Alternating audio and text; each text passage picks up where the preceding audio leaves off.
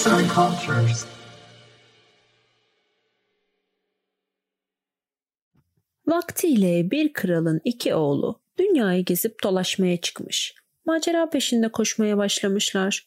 İçine sürüklendikleri rezil hayatın batağından kendilerini kurtarıp da bir daha baba evine dönememişler. İki kardeşin Damlin adında kendilerinden küçük bir de kardeşleri varmış. Damlin de salak anlamına geliyormuş. Damlin yola düşüp ağabeylerini aramaya koyulmuş ve gerçekten de bulmuş onları. Ama ağabeyleri kendisiyle alay etmişler. Heh, biz senden akıllıyken yolumuzu izimizi kaybettik. Sen bu salaklığınla mı bu koca dünyada doğru yoldan şaşmayacaksın demişler. Neyse lafı uzatmayalım. Üç kardeş hep beraber yolda giderlerken bir karınca yuvasına rastlamışlar. Abileri yuvayı dağıtmak, minik karıncaların yumurtalarını alıp nasıl sağa sola kaçıştıklarını seyretmek istemişlerse de küçük kardeşleri Damlin, hayvancıkları dokunmayın, onları rahatsız etmenize göz yumamam demiş. Bunun üzerine yine yollarına devam etmişler. Bir göl kenarından geçiyorlarmış. Suda yüzen bir sürü ördek görmüşler. İki ağabey ördeklerden birkaçını yakalayarak kızartıp yemek istemişse de küçük kardeşleri karşı çıkmış. Hayvancıklara dokunmayın, onları öldürmenize göz yumamam demiş. Yollarına devam etmişler. Bu kez bir ağacın üzerinde bir arı yuvası görmüşler.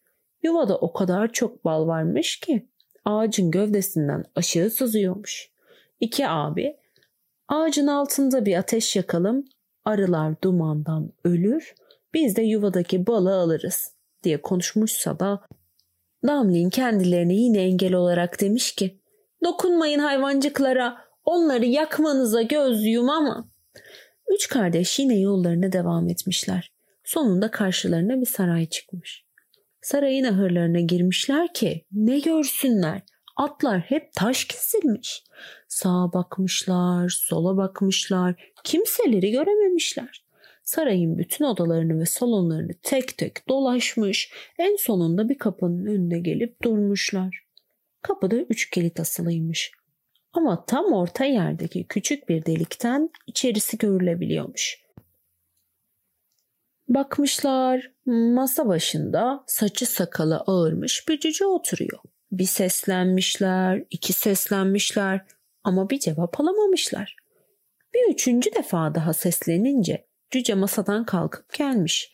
Kilitleri açıp dışarı çıkmış. Hiçbir şey konuşmadan onları türlü yemeklerle donatılmış bir sofraya götürmüş. Üç kardeş yiyip içip karınlarını doyurduktan sonra cüce yine önlerine düşüp her birine yatacağı odayı göstermiş. Ertesi sabah da kardeşlerden en büyüğüne gelip kaş göz işareti yapmış ve kendisini alıp taş bir levhanın önüne götürmüş. Levhada sarayın üzerindeki büyüyü bozmak için yapılması gereken üç iş yazılıymış. Birincisi ormanda yosunların altında prensesin incileri yatıyormuş. Bu bin kadar inci tek tek aranıp bulunacakmış. Güneş batar da bir tek inci bile eksik kalırsa incileri arayan kişi taş kesilirmiş. Kardeşlerden en büyüğü hemen kolları sıvayıp incileri aramaya başlamış.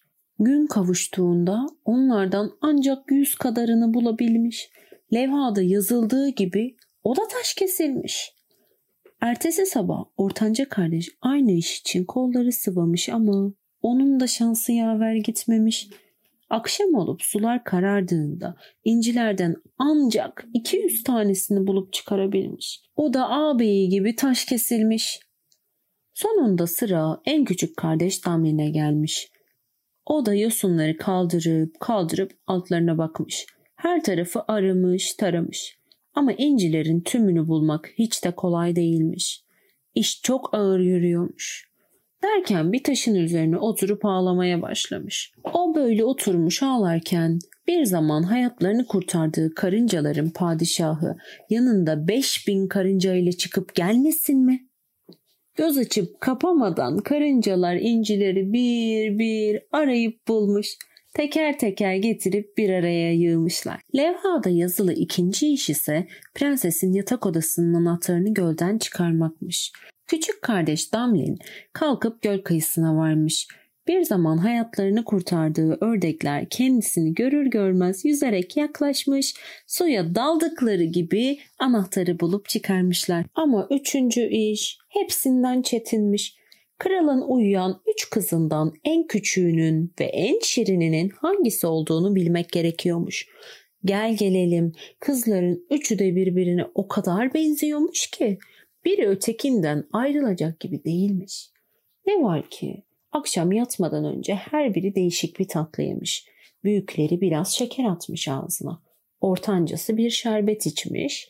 En küçükleri de bir kaşık bal yemiş. Küçük kardeş Damlin ben bu işin içinden nasıl çıkacağım diye düşünüp dururken bir zaman dumanda boğulmaktan kurtardığı arıların beyi çıkıp gelmiş ve teker teker her üç kızın ağzına konup kalkmış.